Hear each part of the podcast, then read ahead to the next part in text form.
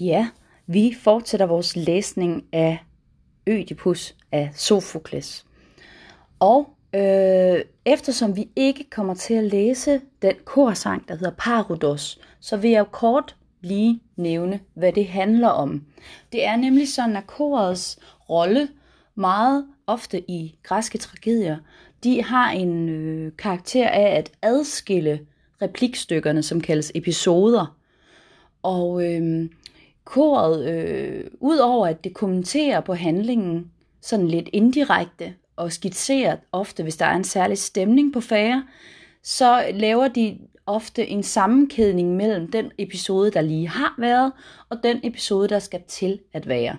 Og i den episode, som vi lige har hørt, der har, øh, der har vi fået skitseret, hvordan pesten herrer i Theben, og vi har øh, fået øh, at vide, at Ødipus han står parat til at opklare mordet, som altså er årsag til pesten, at morderen stadig opholder sig i Theben.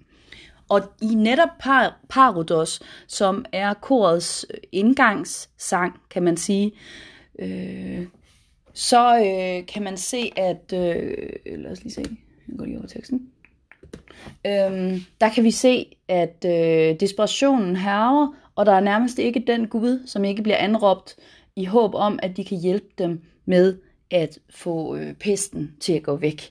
Det er døde mennesker, der ligger i gaderne, det er øh, kvinder, der aborterer, det er øhm, grædende hustruer, øh, små børn, der ligger som lig på gaderne. Så det er en ret forfærdelig stemning, og vi, vi har virkelig med øh, en tragedie at gøre i dets mest øh, øh, tragiske form. Så kommer øh, den næste episode, og det er det, som jeg egentlig vil gå i gang med at læse nu. Den starter på side 17 af den bog, I sidder med, og øh, det er Ødipus, der starter med en lang monolog. Den vil jeg. Jeg vil egentlig bare gå i gang. Vi læser et lidt længere stykke i dag, så det håber jeg, at I kommer levende igennem. Det er helt ind til øh, side 31, altså bogsiderne, og det slutter ved vers 511. Sådan. Okay. Ødipus siger, du bad en bøn, og hvis du lytter til mit ord, og lydigt følger det til ondet drives bort, så vil din bøn om hjælp og frelse blive hørt.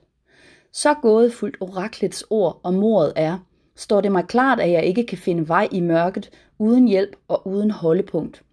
Men siden I har ondt mig borgerret blandt jer, gør jeg det vidderligt for hver i Tebens stad, at den af jer, der kender noget til en mand, som dræbte Laios, en søn af Labdakos, befaler jeg nu straks at melde alt til mig. Og er han skyldig selv, så kan han uden angst forsvare sig, og intet ondt, ondt skal times ham. Men uskat får han lov at rømme land og by. Det vil sige, der er frit lejde. Morderen kan bare komme frem, så bliver personen smidt ud, uden at vi straffer ham yderligere. Og der som nogen ved, at en fra fremmed land var kongens morder, så fortiger det ikke mere. Det er til fordel for ham selv. Han får min gunst. Men tiger han af frygt og dækker over en. Sig selv, sin gode ven, til trods for disse ord, så hører den skæbne da, som jeg bereder ham. Hvem så den mor der er, forbyder jeg enhver i dette land, hvis trones magt og ret er min, at huse ham, ja, selv at veksle ord med ham, at lade ham fordel i templets offerfest, at lade ham fordel i aldervide vand, at, og alle skal forstøde ham for deres hus. Ti, han besmitter os, som Phoebos, altså Apollon, selv har sagt og åbenbaret os med sit orakels svar. På denne måde er jeg forbundsfælde med en myrdet konge og den høje Føjbos selv. Gid denne gerningsmand, hvor end han skjuler sig, om han alene eller flere med ham bare skyld, må få et usidt liv, forbandet til han dør. Og dvæler han som gæst hos mig ved Arnens ild, og ved jeg hvem han er, men huser ham trods alt, skal straffen over ham med rette ramme mig. Hvad jeg har pålagt jer, det skal I sørge for, for Gudens skyld og min til gavn for dette land, som guder helt har glemt, hvor ingenting vil gro. Var sagen ikke rejst som Phoebos, altså Apollon, nu har gjort, var det trods alt en fejl, at I lød hånt om skyld. Når han blev myrdet jeres konge, burde alt jo være undersøgt. Som hersker står jeg her med al den magt og ret, som han har haft før mig. Den hustru, som var hans, er også blevet min. Hans søn var, var blevet min, ved ægteskabets bånd. Om skæbnen havde ondt ham faderlykkens lod. Men skæbnens tunge hånd ham ramte ondt og hårdt. Og derfor kæmper jeg så stærkt for denne sag, som om han var min far. Jeg helmer ikke før jeg finder frem til ham, som dræbte Laios, en søn af Labdakos, hvis far var Polydor, som selv var søn af Katmos, kong Agenors søn. Grunden til, at jeg lige trak vejret ekstra dybt før, det er jo fordi, han siger, som om han var min far. Og som publikum ved vi jo godt, at Laios faktisk var hans far.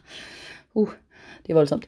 Og vær som trods af mig, jeg beder guder om at nægte sæden spirekraft til korn i muld, og børn i kvindens skød, så deres skæbne er at gå til grunde eller være lod end den.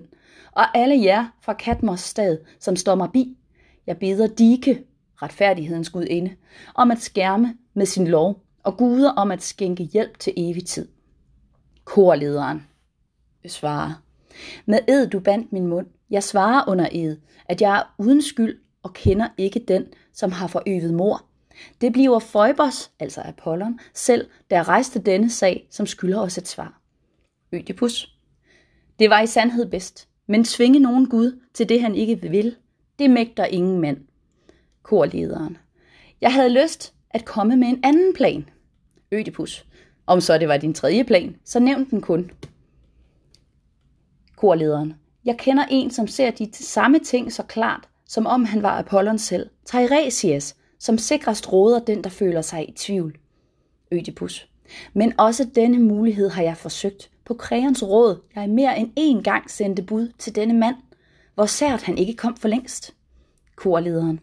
Et rygte går, kun gammel snak og tomme ord. Ødipus. Hvad mener du? Hver ting skal blive undersøgt. Korlederen. Man siger, han blev dræbt af nogle vandringsmænd. Ødipus. Ja vist, men øjenvidner har man aldrig set. Korlederen.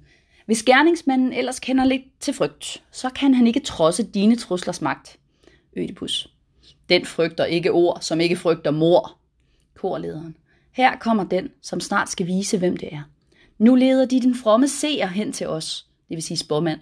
Den eneste, som klart kan se, hvad der er sandt. Ødipus. Teiresias, på jordisk viden er du klog, men også lønlig visdom onde guder dig. Og selvom du er blind, så ser dit indre blik, at byen her er ramt af pest. Alene du kan redde os og råde os i al vores nød. Og hvis du ikke ved det fra vores sendebud, så vid, at Føjbos ham lod, bring, lod ham bringe os til svar, at frelse fra vores sot, vil ikke, altså sygdom, vil ikke kunne ske, før vi har fundet dem, som dræbte Lejers, og straffet dem med landsforvisning eller død. Men prøv, om du med skriget fra en varselsfugl, og alt, hvad du formår i kraft af spådomskunst, kan frelse dig, og frelse denne by og mig, og frelse fra den sot, som skyldes dette mor. Til dig står alt vort håb, at kunne bringe hjælp, som man har magt og midler til, må være skønt. Og så. Teiresias siger, åh oh, nej, hvor ondt at være vis, når det man ved kan skade selv en vis. Jeg vidste alt, men jeg har glemt det, ellers stod jeg ikke her. Ødipus. Men hvad er sket? Du ser så sovebetynget ud. Teiresias. Lad mig gå hjem, for du og jeg har lettest ved at bære byrden hver for sig. Vær vis på det. Hvor fejl er dig, hvor hjerteløs mod denne by, hvis barn du er, at nægte den og også et svar, sagde Ødipus.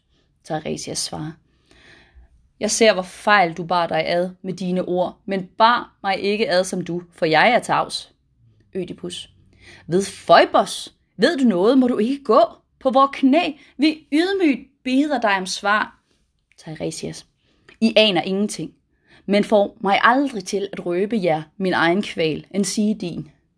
Ødipus. Hvad siger du? Du ved det, men vil være tavs og svigter os og giver denne by til pris. Teiresias. Til sidst af alt vil volde nogen af os ondt. Forgæves spørger du, jeg nægter dig mit svar. Ødipus. Så er du ond. Så ond, at selv en klippesten i al sin ro må harmes over dig, der stum fortiger, hvad du ved, ubendig i din trods. Tiresias. Du taler om min trods, og den, der er hos dig, du ikke selv kan se, men dadler mig for min. Ødipus. Ja, hvem blev ikke vred, som af din egen mund har hørt den ringeagt, du viser denne by? Teiresias. De ting, jeg holder skjult, vil røbes af sig selv. Ødipus. Hvis det er sandt, så nævn dem bare først som sidst. Teiresias. Jeg siger ikke mere, og har du stadig lyst, så lad dit stejle sind kun rase i sin trods. Ødipus. Nå, sådan. Se dig selv, hvordan jeg trodser dig, og hør, hvad jeg har regnet ud. Er du den, som står bag dette mor? Du rakte ikke hånd til selve mor, ganske vist, da du er blind, men ellers tror jeg, at dette værk kan kaldes dit. Tiresias. Nej, virkelig. Så følg mit råd og hold dig selv til den erklæring, du har kun gjort. Fra i dag, du ikke mere bør veksle ord med nogen her, for du er den, som har besmittet dette land. Ødipus. Hvor frægt er dig at slynge disse ord mod mig. På denne måde vil du slippe fri for straf, Tiresias. Ja, jeg gik fri. Hos sandhed har jeg hentet kraft. Ødipus. Er det din spådomskunst? Hvor kom så sandhed fra? Teiresias. Fra dig, som mod min vilje bød mig tale ud. Ødipus. Jeg misforstår dig vist, men sig det en gang til. Teiresias. Du misforstod mig? Nej, du stiller fælder op. Ødipus.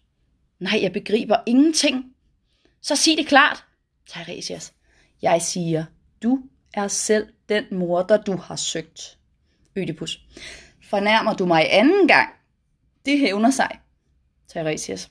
Skal jeg fortælle mere? Du bliver bare ved. Du bliver bare vred. Ødipus. Fortæl du bare løs. Det er kun tomme ord. Teiresias. Jeg siger ikke, du ikke ved, hvor brødefuldt et liv du lever i dit hus. Et liv i skam. Ødipus. Du tror vel, du har lov at snakke frejdigt løs. Teiresias. Ja vist, så frem en sandhed ellers ejer kraft. Ødipus. Det gør den åbenbart for andre end for dig, for du er blind på både syn og sind og sans. Teiresias. Hvor ynkelig du er i al din spot mod mig, og snart vil alle her bebrejde dig derfor. Ødipus. I evig nat du går, og du får aldrig ram på mig og nogen her, som skuer dagens lys. Teiresias. Ti skæbnen vil, at ikke jeg skal fælde dig, men kun Apollon selv skal sætte det i værk. Ødipus. Er det så krægerens påfund, eller er det dit? Teiresias. Fra krægeren kommer intet ondt, men fra dig selv. Ødipus. Åh, rigdom, herskermagt og kløgt, som overgår alt kløgt i dette liv, der er så rigt på nid, altså had. Hvor stort et had, der dog må leve i jeres sind, hvis krægeren nu på grund af magten, som jeg fik, som byen gav mig, som jeg aldrig stræbte mod, hvis han, en trofast gammel ven, for magtens, for magtens skyld, har overlistet mig, og for at nå sit mål, har lejet sig en hjælp i denne ledede trold, i denne tiggerpræst, som svindler med sit syn, for vindings skyld og spår i blinde når som helst. Og hvor har du som seer, altså spormand, vist din sande kunst? Da den kimære, altså sfinksen, kom og sang sit gådekvad, hvor lød da dine frelsens ord til Tebens folk? I sandhed, gåden lod sig ikke løse let af hvem som helst, der skulle se evne til. Så Ødipus mener, han er mere egnet til spådomsevner end Tiresias selv. Og den var ikke dig beskåret, som det sås, ved fugles eller guders hjælp, men så kom jeg, og jeg, en ren uvidenhed, fik sfinksen tavs. Min tanke løste gåden uden fugles hjælp, og mig vil du forsøge på at drive bort, i håbet om at stå konkrerens trone nær. Men du og denne rænkesmed, som nok så smukt vil rense landet, vogt jer, for din alders skyld, jeg skåner dig for straf, trods alt dit luskeri. Korlederen siger nu. Teiresias har talt i vrede, mener vi, men også dine ord var bedre, Ødipus. Hvad gavner den slags ord, når vi skal tale om den bedste løsning på oraklets svar? Kun det. Teiresias siger. Skønt du hersker her, har jeg vel samme ret til svar med samme ord som alles lige mand. Er jeg din slave da? Jeg tjener Loxias, og det er et andet ord for Apollon. Har jeg så brug for krægerens varetægt og værn? Jeg siger dig, da du har spottet mig som blind, at du som ser er blind for din elendighed, for hvilket hjem du har, for hvem du lever med. Hvad ved du om din slægt? Og ved du, er du selv? Hmm er slægtens fjende her på jorden. Og under muld, at du, forbandet dobbelt af din far og mor, på hastig flugt fordrives fra din, dit land engang. At du for dagslys, dagsklart lys skal se et natsort mulm, at dine klageskrig skal nå til hver en kyst. Kitairons bjerg med genlyd snart forkynder dem, når først du ser, at du trods lykkens medbørsvind var uden ankerplads i ægteskabets havn. Du aner intet om de mange ny forlis, som rammer dig og dine børn i lige mål. Og derfor spot kun krægeren, hån mit spotomsord, til ingen dødelig skal ryddes sport herfra til intet gjort og knust, så ynkelig som du. Ødipus. Hvor kan man holde ud at høre mere på ham? Hos Hades er din plads, men se at komme væk. Du var jo ved at gå. Hvad tøver du for? Teiresias. Jeg kom jo kun, fordi du sendte bud på bud. Ødipus. Men hvis jeg havde vidst, hvor tåbelig du var, så havde jeg jo næppe bedt dig komme her. Tiresias, Jeg er så tåbelig, som du har tænkt, jeg er. Din egen far og mor vil mene, jeg er klog. Ødipus. Og hvem var de? Bi lidt. Af hvem blev jeg da født? Tiresias. Af dagens skød, du bliver født til undergang. Ødipus. Din tale er mig alt for sær og gådefuld. Tiresias. Du er som skabt til selv at løse gådeord. Der driller han ham lidt. Han formulerer en gåde, som Ødipus ikke forstod. Ødipus. Jeg spot mig kun for det, som jeg berømmes for. Teiresias. Men netop dette held var varslet om dit fald. Ødipus. Hvis byen kun blev frelst, så er jeg fuldt tilfreds. Teiresias. Ja, så kan jeg jo gå, min dreng. Led mig på vej. Det er altså hans, hans øh, øh, fører. Han beder om at komme og hjælpe ham væk. Ødipus. Ja, lad ham det. Du falder bare til besvær. Så snart du går din vej, kan vi få fred og ro. Teiresias. Jeg går, men først når jeg har sagt, hvorfor jeg kom. Dit blik har ingen magt. Usårligt står jeg her. Jeg siger kun, den mand, som du med flid har søgt, som du med trusler lover eftersøgning af for mor på Lejers, han er til stede her. Han kom som gæsteven, men snart skal Tebens by ham regne for sit eget barn. Kun stakket fryd, det bringer ham. Som blind, der før har kunnet se, som arm, der før har været rig, han drager bort og famler sig mod fremmed land med stav i hånd. Og det skal vise sig, at han er bror og far til sine børn, og knyttet til sin mor som søn og ægtemand, der tog sin seng i arv fra denne far, som han har dræbt. Gå du kun ind og tænk så over det. Og mener du, jeg løg, så sig, at jeg forstod mig slet på, på, på spottomskunst, altså slet ikke forstod noget af spottomskunst. Så kommer koret på igen, og så kan I se, hvorledes de kommenterer på alt det, der lige har været her. Første strofe. Hvem er denne mand, som Delfis klippekløft taler om med spottomsrøst og siger, at med blodbesudlet hånd han redselstået har øvet. Snart må tiden være inde, hvor hans fod må haste mere end en hestehov på flugt. Da vil tordneren, det vil sige Søvs, søn i et spring styrte frem, for at hugge ham ned med sin lanse af lyn. Men han jages af mørkets erinjer, det er nogle øh, gudinder, der efter øh, følger øh, folk, som har begået forbrydelser. Af mørkets erinjer, som bestandig vil nå deres mål. Så kommer der en modstrofe, og der skal man forestille sig, at koret danser den modsatte vej igen med en ny koreografi. Fra Parnassos lyse snippedægte tinde steg for nyligt dette bud til alle, at vi hver for sig skal søge ham, som ingen kender, før han finder ly i skoven eller klippehuler skjul – som en olm og ensom tyr, til hans flygtende fod vil forsøge at fly fra de ord, som oraklet forkyndte til os. Men de kom fra den jordiske navle, det vil sige Delphi, der er en sten der, der ligner en navle, og for evigt de kredser ham ind. Så det vil sige, at man skal fange den her morder. Anden strofe. Så danser de den anden vej igen. Spådommens ord, fulde af gru, slår mig med angst. Vidste jeg kun, hvad der var sandt, hvem der har ret, hvad er mit svar? Ja eller nej? Intet jeg ved. Usikkert svæver jeg om i min tvivl, når jeg skuer tilbage og frem. Var der en strid mellem Labdakos-slægten og Polybos søn? Hverken jeg før eller nu fik det mindste at høre om den. Og her hen, henvises der til Labdakos-slægten, som altså er dem, der bor i Theben, kongehuset i Theben, og Polybos søn, det er Ødipus, eller det vil sige, det tror han, han er. Han er, øh, Polybos, det er kongen i Korinth, som adopterede Ødipus uden at fortælle ham det. Øh, altså var der en strid mellem de her to slægter. Hverken jeg før eller nu fik det mindste at høre om den. Hvor er beviset mon så, som vil hjemle mig ret til at smede kong Ødipus navn og bekæmpe hans yndest og ry, om jeg hævnede Labdakos søn for det lønlige mor. Zeus er så vis, Phoebos er klog, alting de ved. Og Phoebos, det var altså Apollon. Menneskets kår, guderne kun kender til bunds. Hvis man nu tror, spåmandens ånd overgår min, tænker man fejl, for et menneskeak kun i kløgt over andre kan stå. Aldrig jeg dog før beviset man fører for anklagens ord, finder det rigtigt, at folk at de dadler, altså øh, skinner kong Ødipus hårdt.